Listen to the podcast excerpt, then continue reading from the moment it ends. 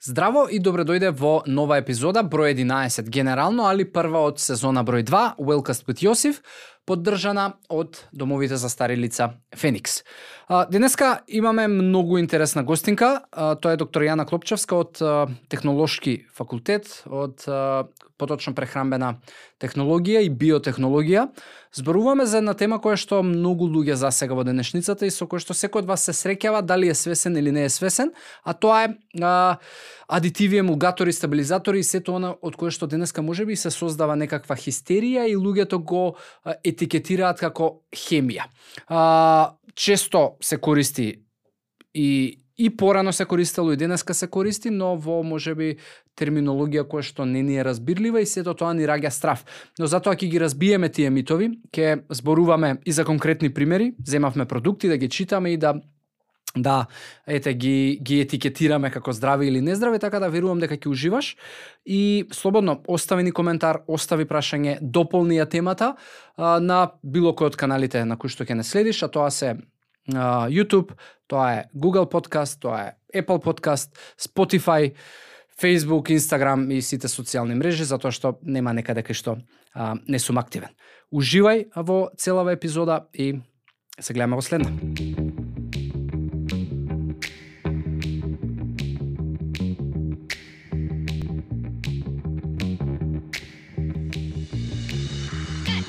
Јана, Добре дојде и фала ти што прифати покана еве да бидеш у а, првата епизода во сезона 2, затоа што ова е а, Wellcast with Јосиф втора сезона, почнав во јануар и еве се рестартираме, така да добре дојде.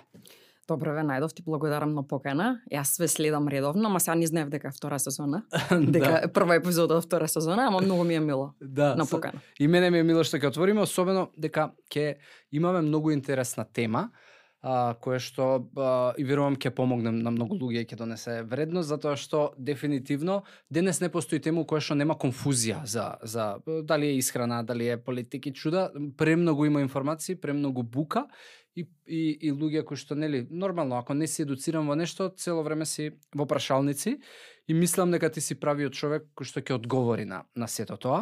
Е сега пред да почнеме еве со темава и со прашањава, ја би сакал еве заедницава на луѓе кои што ќе го следи ова, да чисто те запознае и да кажеш еве да се представиш која си ти, што правиш у животот, а, и, и така натаму и да да почнеме со со прашањава и со темава. Да, одлично, интересна, многу е интересна темава, поготово кога се работи за храна. Доста често сум била гостинка нели вака во јавност. Меѓутоа за тие што не ме знаат, да кажам дека сум професор на технолошко-металуршки факултет и да не дојде до некаква забуна, значи факултетот има институт за органска технологија, односно катедра за прехрамбена и биотехнологија. Пошто често кога ќе кажеме технолошко-металуршки са доаѓа некако збунувачки зашто со металургија, меѓутоа ние сме така разно видни нели, разнолики да кажам, со повеќе институти и од тој институт кај што треба сметам дека ние сме најсоодветни, постоиме веќе доста време, работиме интензивно и проекти и со индустрија и со стопанство и доста генерации студенти поминале и се усовршуваме и конгреси и обучување надвор. Неодамна се вратив на постдокторски студии во Австрија, значи моите колеги се надвор исто така на студиски престои, што значи кога сме доста активни во овој дел на храна, на биотехнологија. За оние кои не знаат, ние не предаваме само, нели, баш буквално се занимаваме со проекти.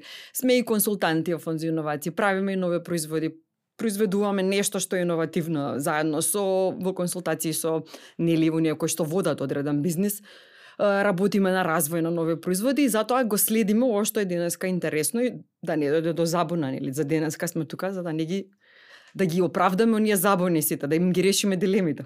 Точно. Е се вака. А, пред а, трендот на на следење на а, здрава храна и на а, предпазливост што јадам и сак нели и што внесувам во моето тело е сосема оправдана. И и супер е што луѓето стануваме свесни а, и бараме подобри начини за исхрана, иако, знаеш, сепак сме далеку од посакуваните резултати, затоа што ако гледаме пандемија на дебелина и, и метаболни болести и така натаму е, е поразително, но во секој случај расте трендот, расте свесноста и во тој раст и на трендот и на свесноста почнуваат да се јавуваат многу контрадикторни информации и многу погрешни информации кои што на луѓето им создаваат хистерија. А, и конкретно еве со со храната и она што денеска го купуваме на рафт, пред десетина години основно беше за луѓето кои што беа тогаш посвесни калории. Да гледам во во Така. етикетата. Колку у ова е многу калорично, ова не е калорично, јадам ниско калорична храна и така натаму. Но денеска можеби тие исти луѓе веќе са решиле можеби одредени дилеми поврзани со калории, протеини и масти, знаат што е и колку Така, да. треба и така натаму, но а, па се влезени можеби во еден друг друга спирала на а, на на бунење и и страф од состав на храна.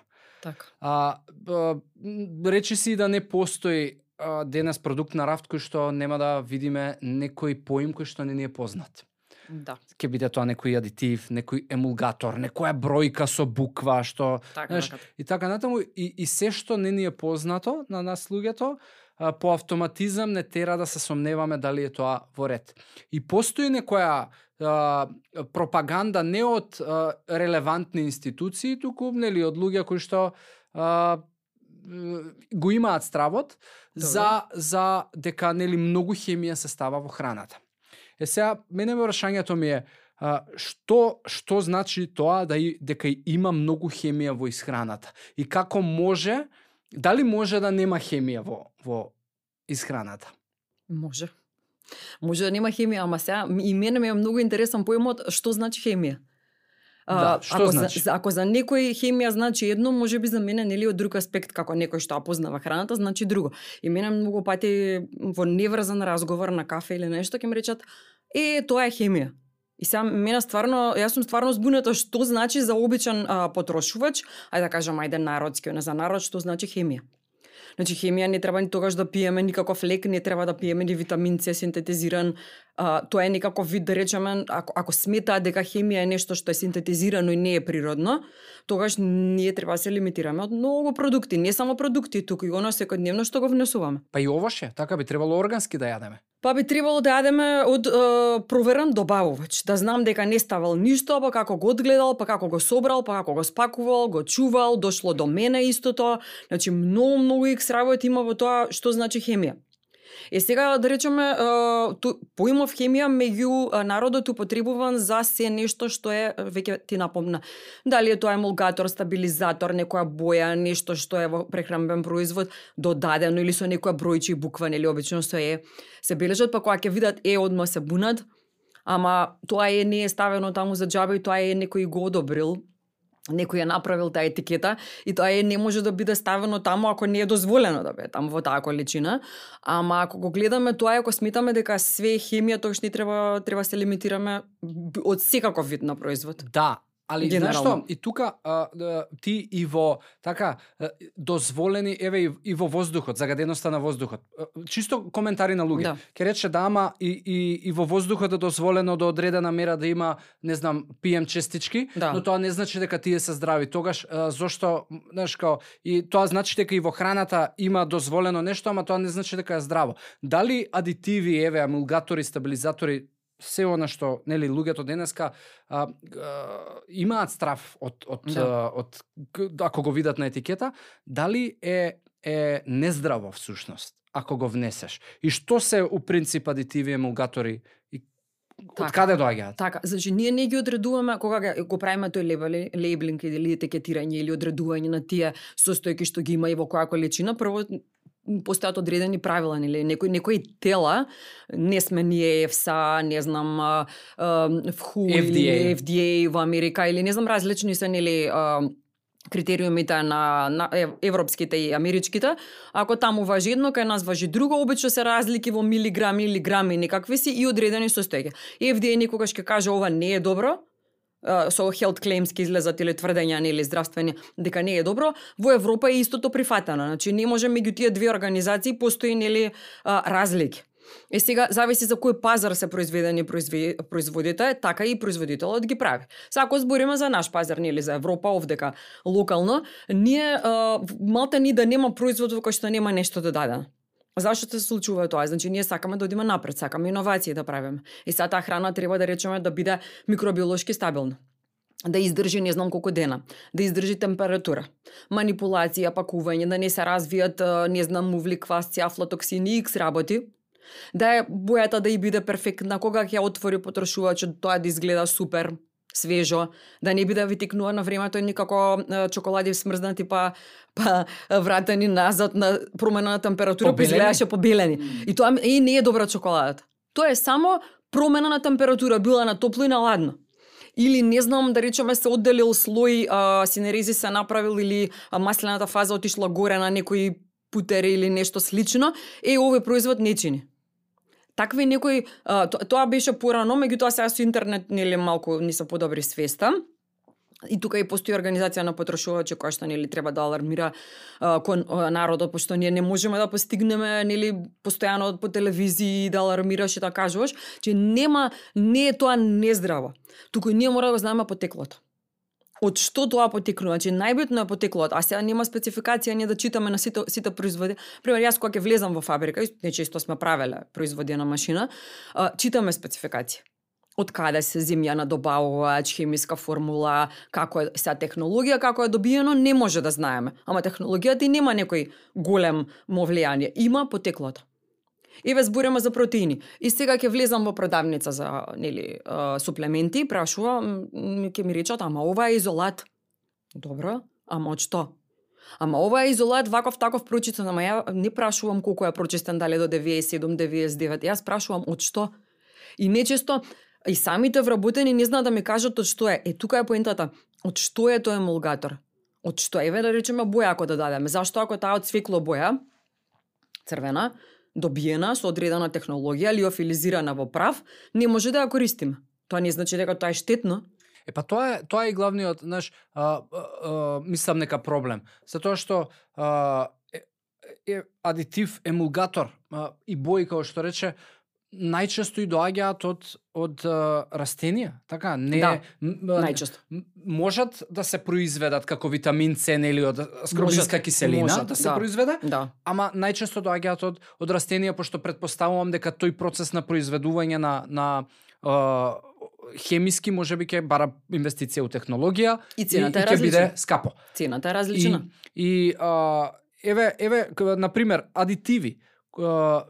Што прават адитивите во исхраната? И, и на рафт така и често ги гледаме и и од каде еве најчесто доаѓаат? Кои се најсреќавани адитиви? Значи, тие коригираат нешто. Ние ги ставаме во одреден дел од производот во технологијата за да коригираат нешто. Дали ни треба да да ни ја стабилизираат формата, бојата, да, дали е течен производ, дали пена да стабилизираат еве кај пиво или кај некој друг производ, дали да извршат некаква корекција, дали додаваме да извршат, да речеме ако производот е неприфатлив а, на вкус или на мирис, па вршат некоја корекција а, на преку арома, боја, преку а, визуелно а, како сака сакаме да изгледа. Значи обично се се додаваат што значи адитив. Порано а, ги користеле сол шеќер. Став, правиме зимница или ставаме сол шеќер, Ставаме киселина одредена таа го ја коригира пеха за да направиме некаква ферментација или нешто. Значи можеме X работи да користиме за да да речеме користиме емулгатори кои што таа маслена и водена фаза ако имаме две фази во производот, тие масло со вода никогаш не можеш да го споиш. Нели не се растворливи едно во друго.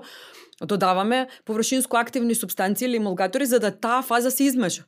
Да. Обично во сирења, во млечни производи, во некои кремови намази, како се тие хомогени станат. Значи ние мора да ги додадеме за да изгледаат така. Е сега сакаме убав производ на на изглед, сакаме убав на вкус, сакаме траен рокот на да трае нели подолго, сакаме цена да имаме убава и сакаме здрав производ. Што значи здрав, уствари што е хемија? Значи не значи дека ако има адитив тоа не е здраво.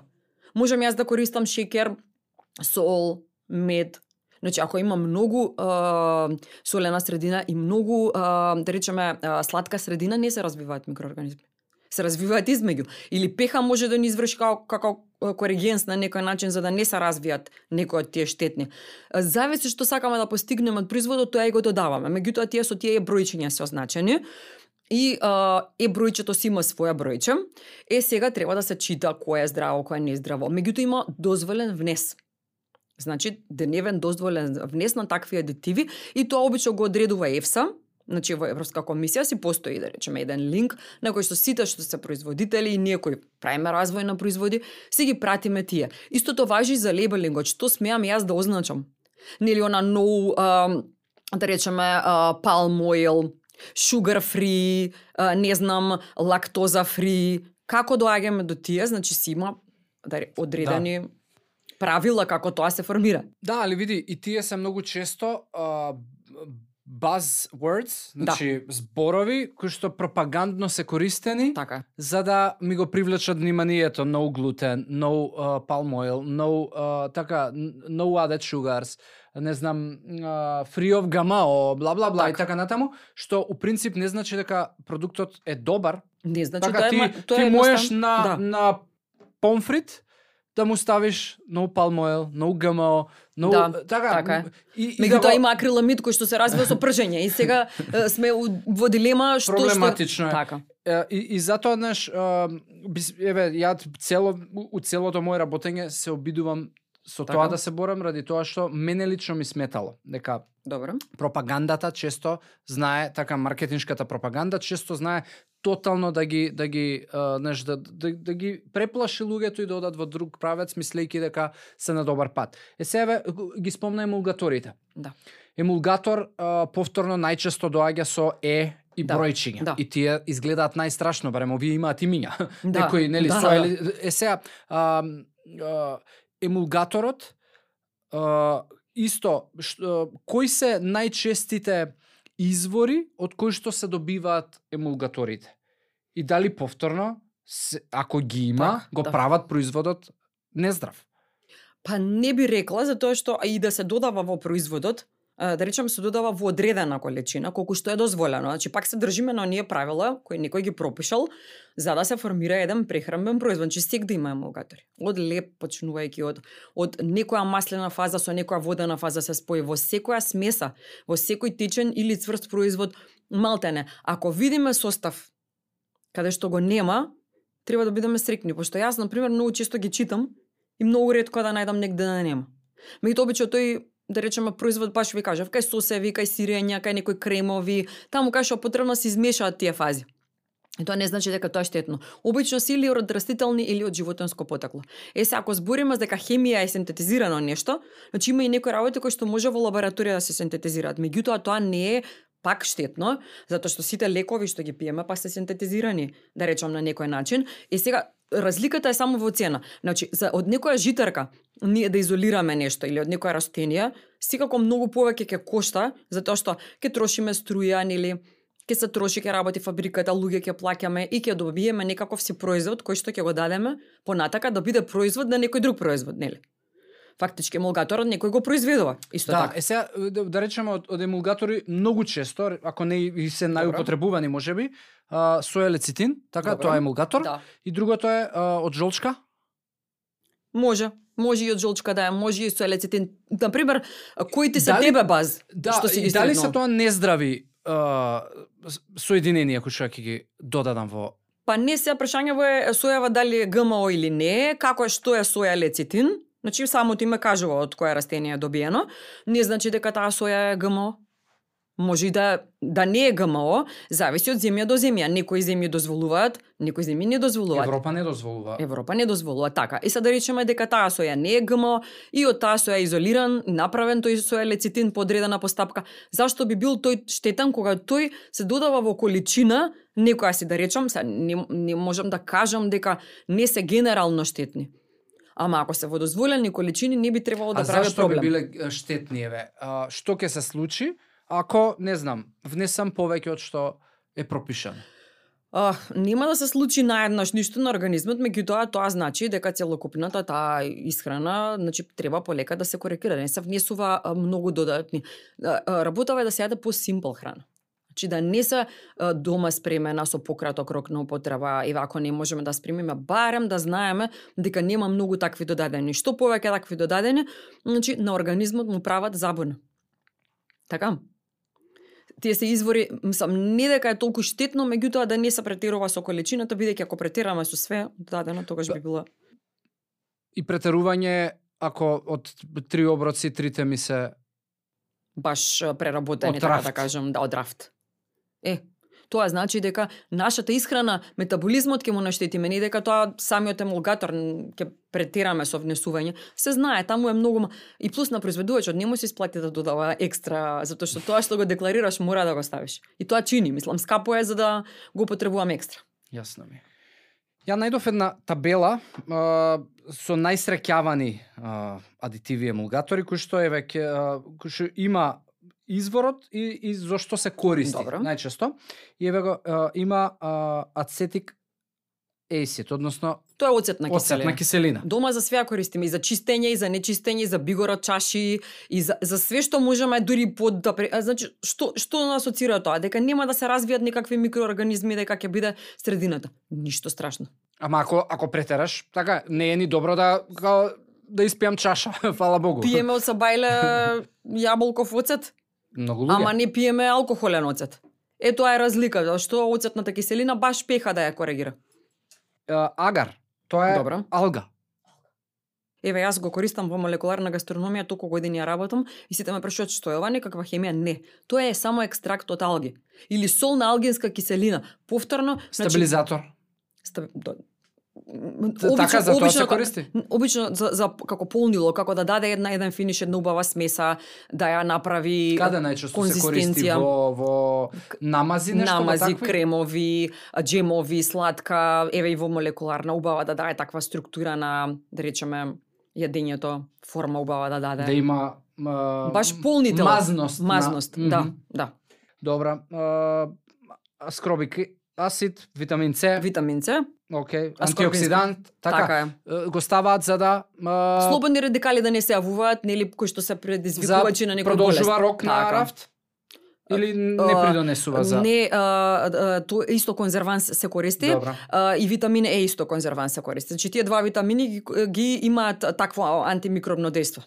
А, калциум хлорид и калциум сулфат исто се... Ништо соли. Соли ги користиме, готварска сол користиме натриум хлорид, исто соли. Окей. А, карагенан, тоа е seaweed, Слич- односно а, морска трева. Трева. трева, да. Исто е екстракт од кај морска трева. Карагенан имам налетано на на студии кои што зборуваат за Health claims, да. Да. Дека им, има проблематичност. Да, ама многу ретко се користи карагенанот и заради цената, и заради својствата, и дава, о, за разлика, еве, ќе го користиме алгинатот, да речеме. Или хитозан ќе користиме, или некој друг кој што да, го заменува. звучат, звучат многу а, имињава, звучат Да. хемиски. Звучат хемиски, ама да, тие се некаква формула имаат хемиска, секако звучат хемиски. Да, а инаку карагенанот го го го, сре- го има во многу во овие протеинските подинзи кои што ги користиме Заради доста. структурата. Да. Да. За да добијат една убава структура. И сега ако сакаме помека структура, користиме да речеме алгинат. Ако сакаме малку пост да биде тоа стегнато под сврста структура, додаваме некои други, еве ксантан, гума, карагенан или некој. Ништо поразлично. Значи повторно екстракт од растение. Јасно. А, корн, корн старч, Да. односно Густин. Да. Не користиме дома густин, нонстоп ставаме во некакви си желатин, Желатинот па многу е користен и мислам дека ниски калории има, а, знаете, и од расте, мислам од од, од риба, од а, а, вакво, од животни, а, различен е и различен степен на желирање има и пак што сакаме да добиеме од него, дали подсврст, дали по структура. Има па некои мешавени пола-пола, еден спрема два, и во джемови што ги ставаме да изгледаат она убава конзистенција да има. Ништо страшно. Правиме пача, јадеме. да. Тоа е. А, гуар гума, Истото. За да даде а, од растение, а, пак изолирано од растение, пак дава структура. Од каде доаѓа гуар гумата? Од кое од кои растенија? Од а, мешункасти? Мешункасте, да. Дали сега доаѓа, некои доаѓаат од корен, некои доаѓаат од а, стебло, некои доаѓаат од самиот она што станува left, а, food waste или И како правено им е така технолошки може би подлежат на на одредени а, процеси? процеси, да, на изолација и пречистување на истите и да ти кажам ист- исто овие држат добра цена. Мислам и многу ретко се наоѓаат а, Мгм. по пазарот. Недостаток има во Европа, недостаток кај нас, бараме од Бугарија, ги увезуваме, носиме, фирмиве се борат. Зашто? Зашто стварно а, имаат ниски калории, екстракт од алга е, алгите се знае дека ќе бидат на еднината храна, Така. И зашто зашто има тука хемија? Тука нема никаква хемија.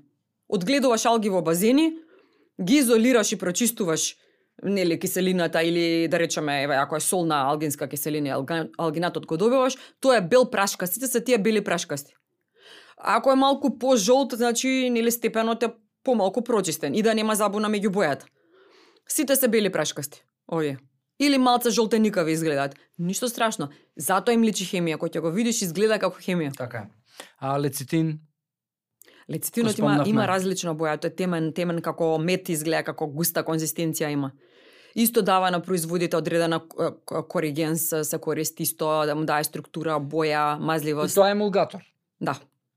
Емулгатори и природно ги имаме и у нашето тело, така, жол- жолчката. Жолчката а, јајцето се користи како Не, емулгатор. ама и, и в нашето тело така црниот дроб влачи жолчка и тоа се користи како емулгатор подоцна. Да, Да, само знаеш, да не претеруваме. Да, ама најчесто ја да речем и така сум го објаснувал на луѓе, слушај тоа што не го разбираш не значи дека е опасно. Нормално Да. ти не треба цел ден рафт од, од рафт да јадеш, но апсолутно нема да Ама се сите овие биле користени предходно, а да речеме може би не овие екстракти од алги толку многу, ама желатинот ја не знам, така памтам од дета сигурно се користел. Меѓутоа сега со интернетот со сите тие информации им се прави бум и недоразбирање во, во главата на потрошувачите. На обичен народ. Леле што е ова, леле какво име, леле ова е хемија. Значи не е све хемија, ама и све не е дека не е хемија. А, многу ретко се наоѓа добро избалансиран а, производ, да кажам дека е ова е супер и на боја и на вкус и на конзистенција и на состав. Ако има три состојки, одлично.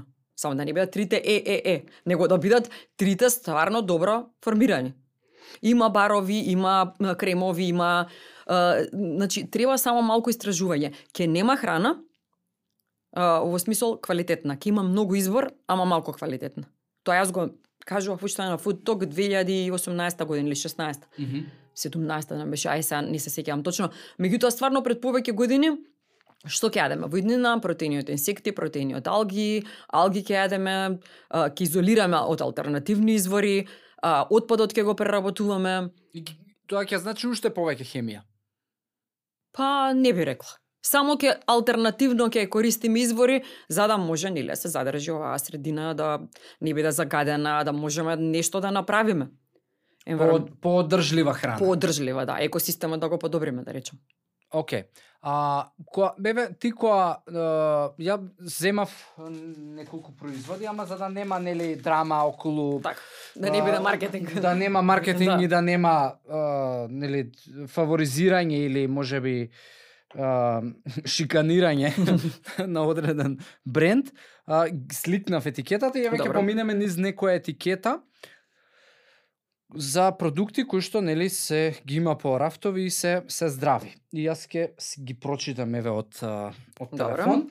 Еве го Упс, чекај да да а, ротацијата да ја исклучам да ми се врти.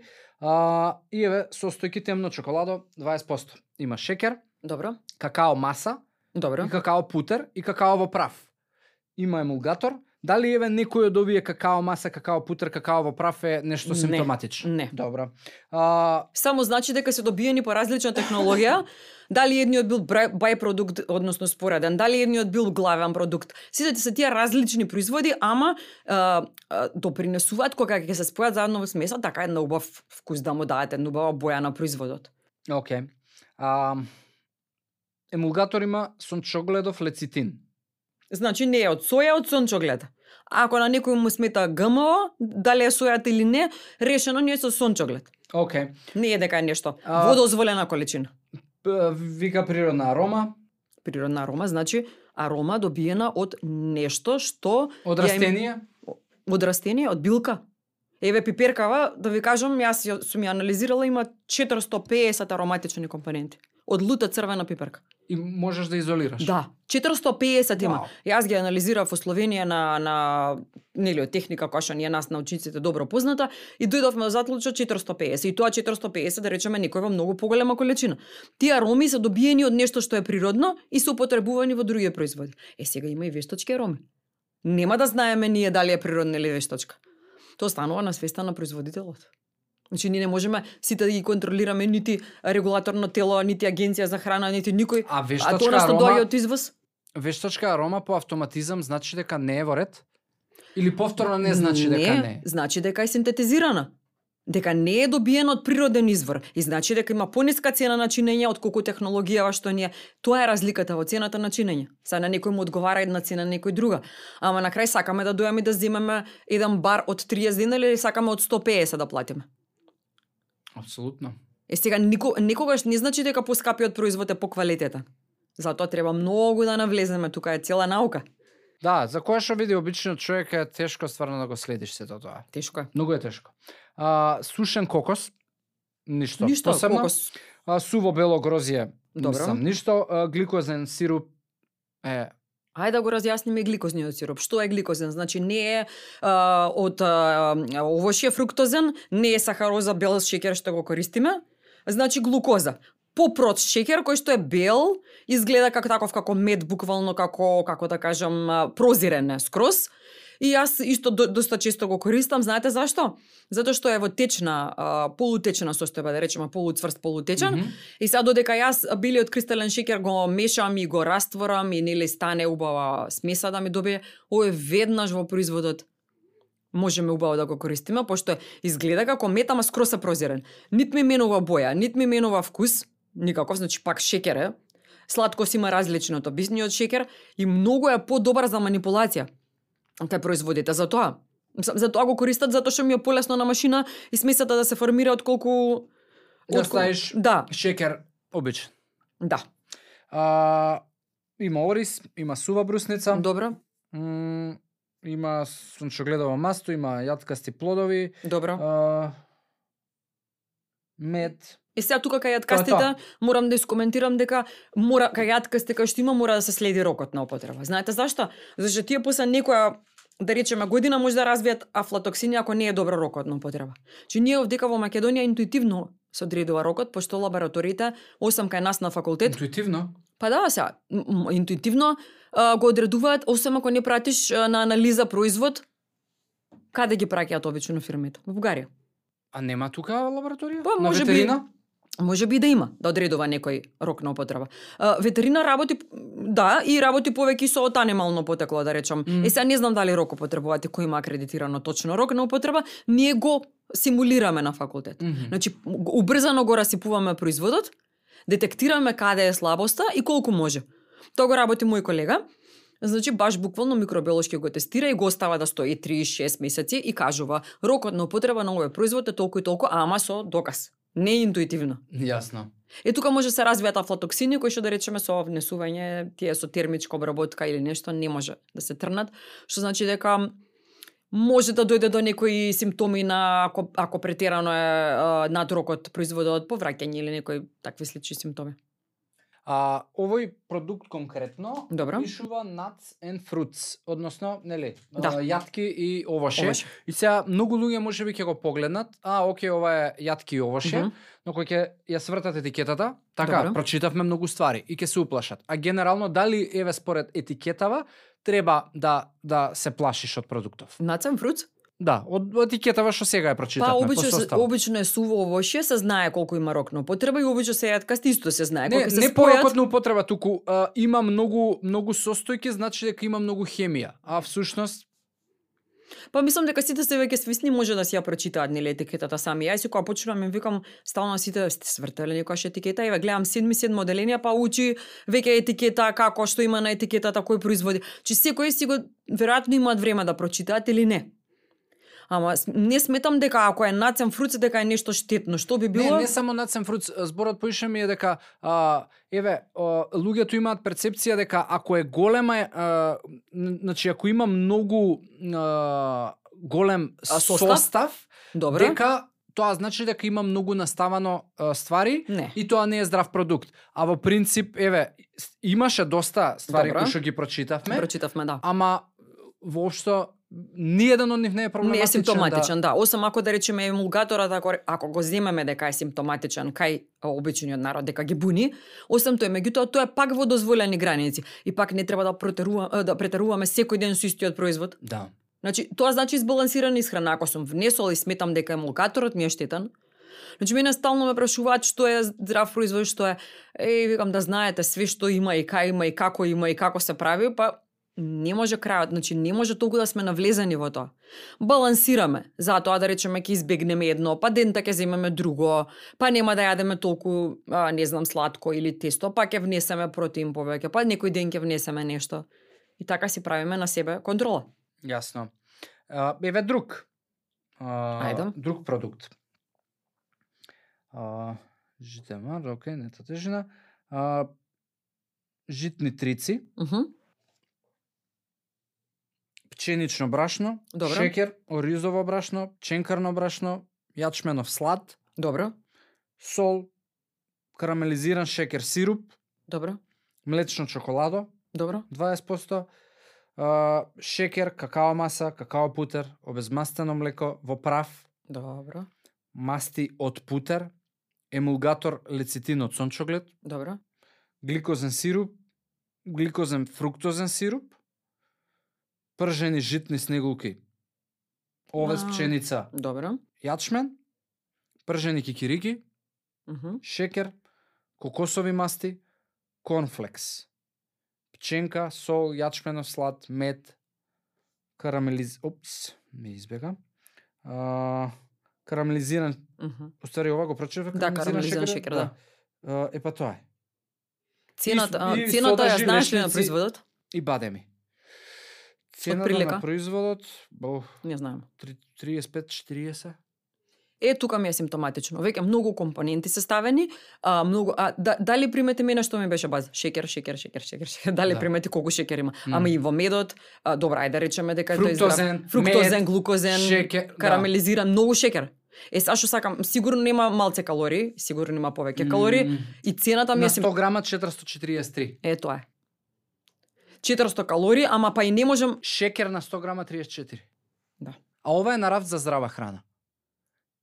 И многу често фрустрира. И тука еве И се па тука е забуната. И тука се јавува прашање. А, на кој што јас многу мислам не го знам одговорот туку е, целовремено ги форсирам луѓето дека а, многу е поважно да видиш а, Добро. колку шекер ќе внесеш на 100 грама, Да, колку заситени масти ќе внесеш да. и можеби тоа се два параметри кои што треба да ги знаеш бидејќи другото секако ќе има нешто што не познаваш и ќе ти личи на хемија и не треба да се плашиш ако тоа е еден оброк во денот и можеби така следниот ден повторно ќе биде Така. еден оброк од во денот од рафт ама ќе биде различен и комбинираш и така натаму и не би требало да се плашиш. И затоа еве овде и, и ова на здрава храна рафт многу луѓе така не ни а, Ама не... Ниту ќе се свесни за состав, ниту ќе се свесни како да читаат етикетата и ќе го купат со со чиста совест дека добро еве здраво се хранам, уствари е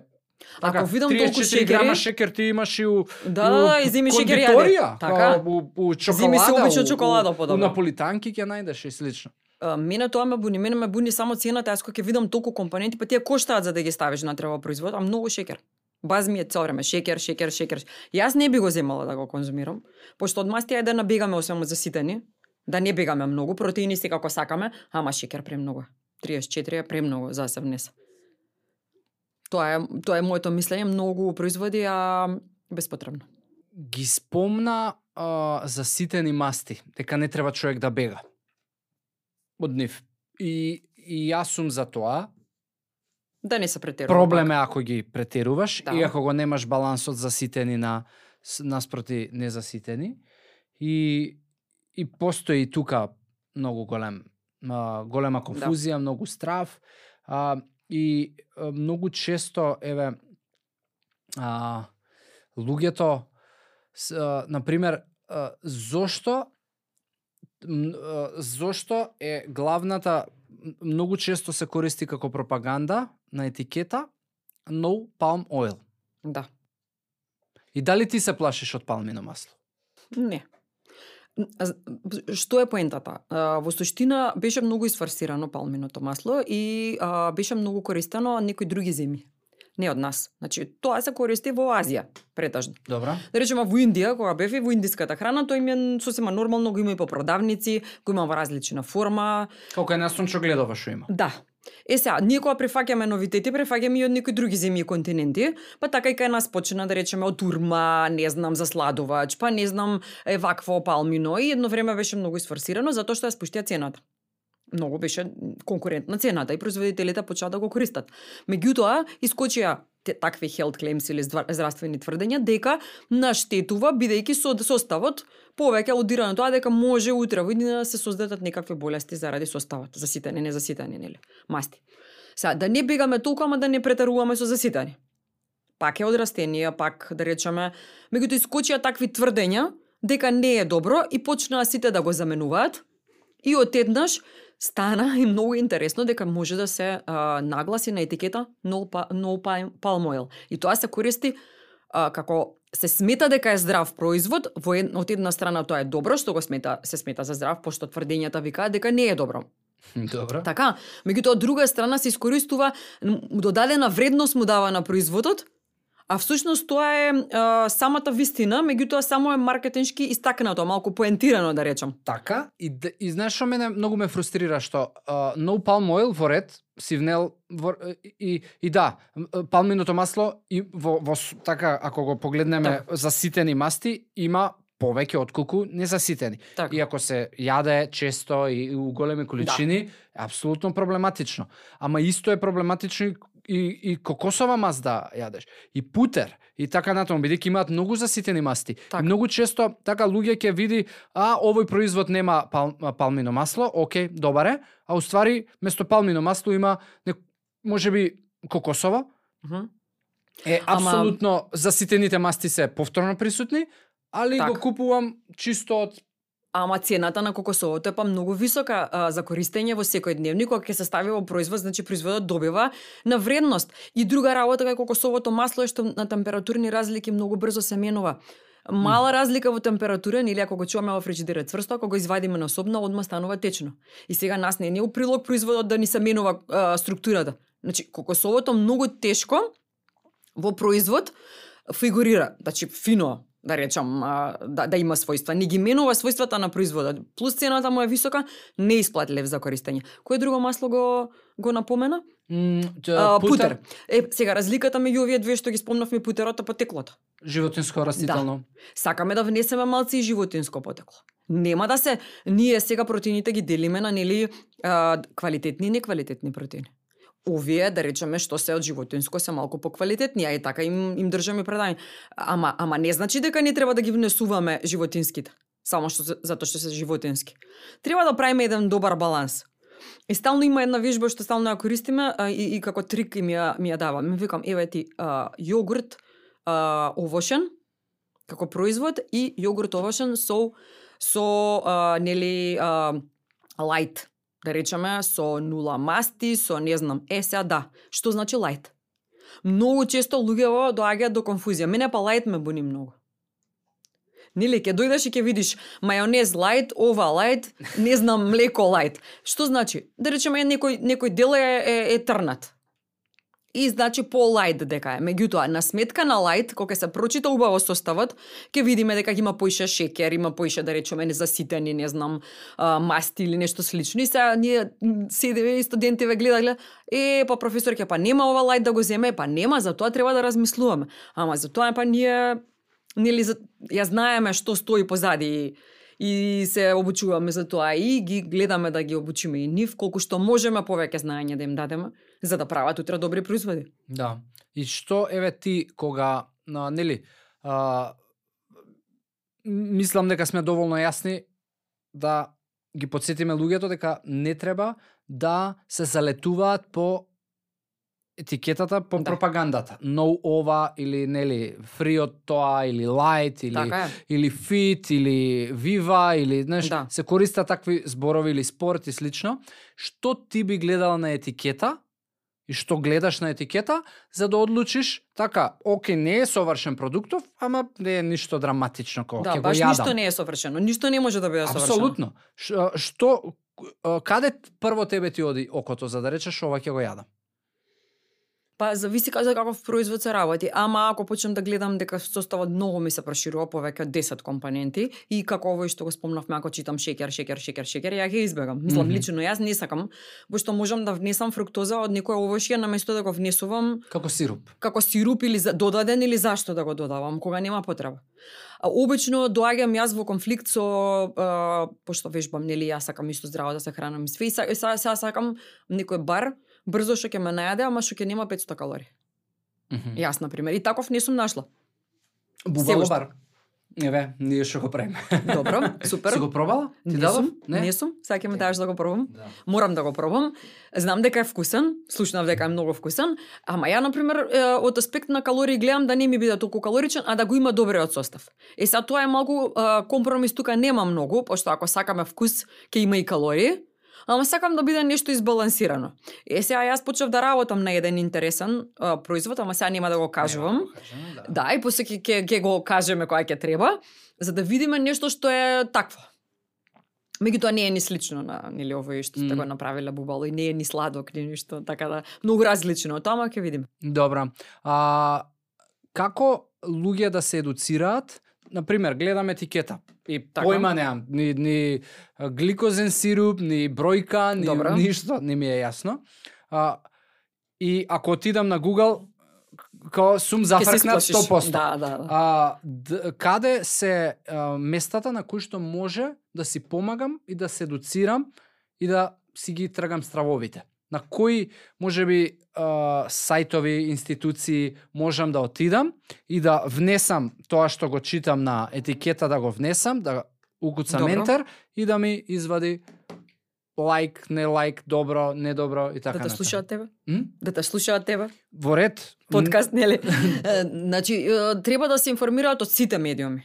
Буквално. Е сега не може тоа да биде скроз а, дека мора се да пратат, меѓутоа ако отидат на сајтот на агенција на храна, може да најдете некои кои се дозволени, кои се недозволени. Добра. Може на сајтот на ЕФСА исто да прочитаат, на Европска комисија. Да речеме, а, на, а, производителите често си имаат на своите сајтови дадено какви им се производите и што состојат.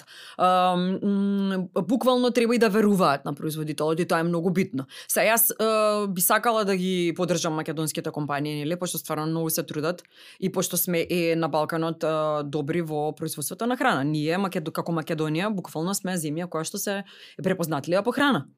И тука треба да си се држиме.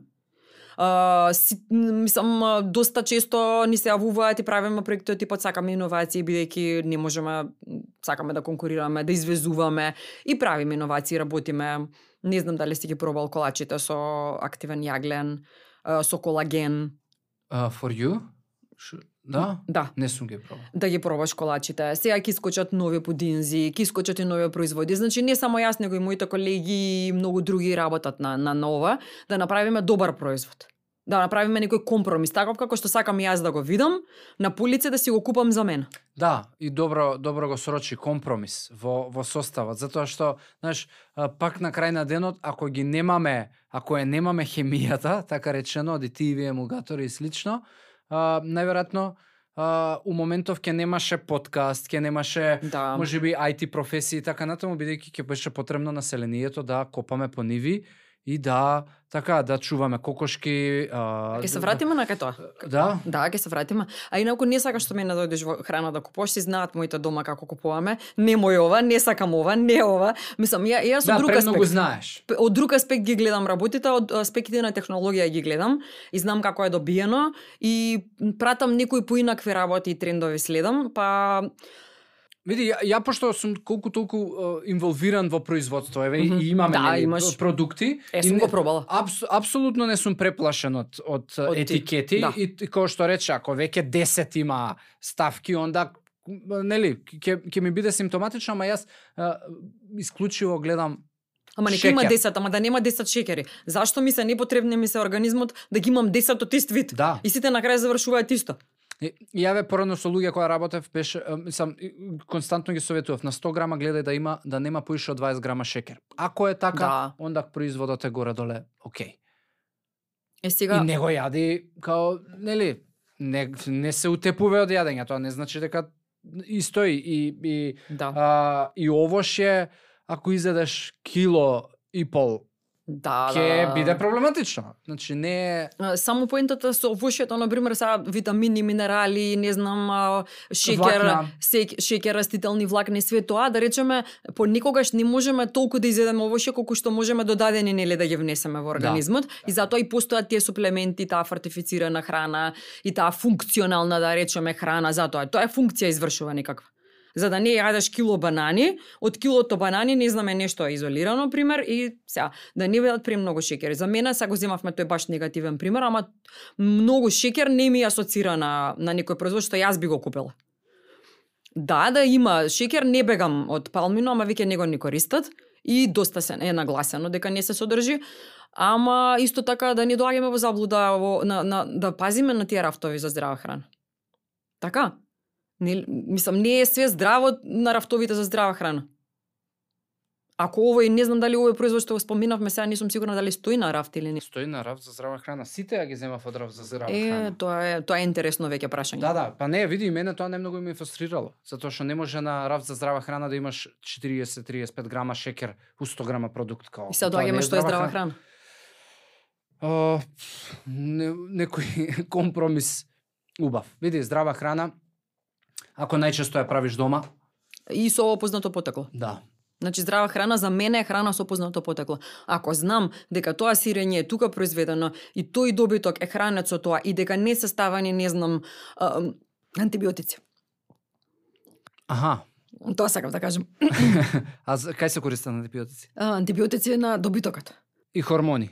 и хормони. Да. Ама тоа никогаш нема да го знам. Или мора да не, не, не, никогаш не, нема да го знам. не. Мислам, има инспектори што си водат контрола на добитокот и што се Да, и затоа се модерно free range, нели, а, слободно да си... Ако Устари, знам- добро, тоа е повеќе за а, квалитетот на пак може да биде со антибиотики да е free range, а, нели, да си пасе животново Да. слободно, па може антибиотик да и да Ама еве не се разболувало животното, контрола се вршела, сирењето се произвело, знам дека млекото е квалитетно, сум видела анализа, за мене тоа е здрава храна. Поминало, да речеме, сите фази кои што мене ми се тие точки на детекција, да речам, или не знам, критични како хасап контролни, ми поминало кај мене таа цела детекција дека тој производ знам потекло. Подобро ќе земам некоја, не знам, кокошка што е чувана во соња на некој плац или на нешто, или мисирка, отколку мисирката што не знам од каде е. Сега, може би останува само да веруваме дека е.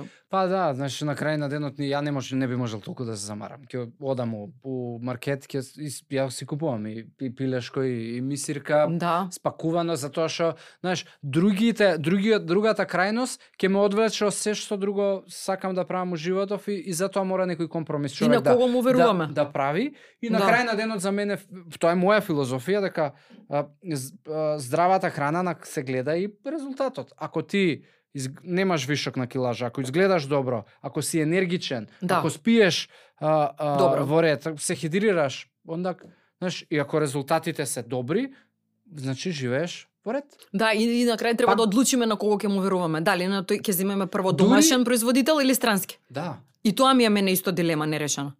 На кого ќе му веру- веруваме? И, и ја немам одговор на тоа. Еве, на пример, што значи президент, да речеме бренд.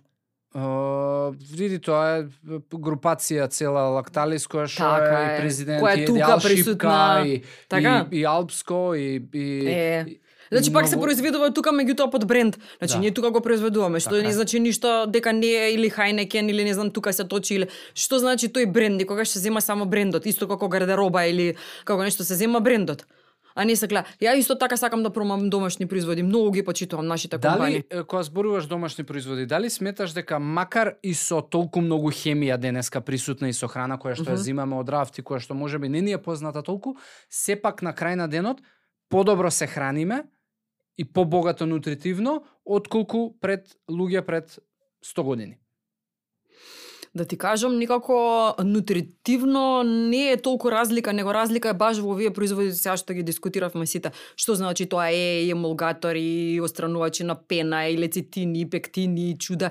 Порано, например, биле ограничени, не знам, ке ставеле од јаболко пектинот, шеќер, сол, конзерванси, тие биле.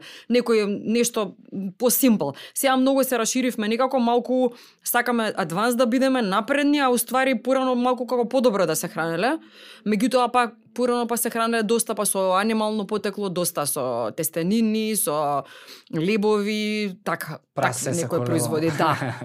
а, и не значи дека луѓето само поинако живееле, целиот начин бил поинаков на живење, не е само храната, него сите фактори Да, да, активноста и Да. Така да, може би, во еден разговор со професори од медицина, кога јас имав некаков вид на проблем, а, свативме дека не да многу експериментирам, ја, например, мојот организам, туку по автохтоно. Че не било на авокадо, манго и све, и валеријана, и све во едно исто ставено, бидејќи тие нас не ни се својствени, не ни се автохтони. Јас сакам многу авокадо. Многу. И убав мој составот на масти и све, меѓутоа ние со генерации со авокадо не сме се храниле. да. Тука тука лежи фактички во нашиот генетски код, нели со генерации пренесуваме генетски код и ние не сме се хранеле со таква храна. И сега доаѓаме до судир дека прифаќаме храни од други земји и продукти, така? Така. Што не секогаш резултира со најдобро или не знам со риби кои што доаѓаат од сомнително потекло. Добро, ама и тоа не значи дека е генерално така, не е тоа генерално е, дека на секого ќе му ќе нема да му влијае добро. Ама не мора многу често. Апсолутно. Поредко да речам, не во Истите масти ги Да. има и на други места, Да. не мора да е од авокадо, така витамин С не мора од папаја нешто да на Или од ацерола да биде. Да, има Еве, пиперка има највеќе витамин С од сите производи, па да јадеме пиперка, да речеме не зелче и све. Не викам дека не мора ацерола, зашто ацеролата па, па мислам производот има многу па повеќе витамин С. Ние треба многу пиперки да изидеме за. Мислам тоа е компромисот да балансираме, да внесуваме избрани продукти, повеќе сготвено дома, повеќе автохтоно. Да, убаво е и да се смени, и масти малку, малку протеини, не толку многу шеќер. Ама и тој треба. Енергија не дава. Така. Јана, фала ти многу, мислам, можеме многу да си разговараме и ќе си разговараме, пошто така имаме договор. Да. Уште еден подкаст ќе снимиме, ед, уште една епизода ќе биде на тема а, канцер на тироидна, така и, и некои пронајдоци кои што Да. а, кои што се многу тазе и нови и во кои што и ти М, учествуваше. Да, да, да, да. да. Да, така да, али али ќе морам, знаеш, не сакам ти реков и, и, и по телефон, Да. а, сакам да да сум ја ја мислам Така. тироидна ми е нели позната до некаде, ама знаеш сепак не ми е сакам да се спремам за да поставам Да, тоа е и многу интересна и тема. да, да, да направиме убава содржина а, Зашто поднебиево ни е склона, поготово женската популација, Да, и затоа е интересно за дискутирање. пандемија со со тироидни Да, да. а, проблеми. А, супер, фала ти уште еднаш што ја прифати поканата и што дојде и се надам ќе биде многу добро прифатен. Благодарам на тебе, А, одлично беше. Мене ми е многу интересно. Задоволство. Стално, мислам ќе кога и да се договориме ќе Ќе бидам. се дружиме. Да. Супер, фала ти уште еднаш. Ништо.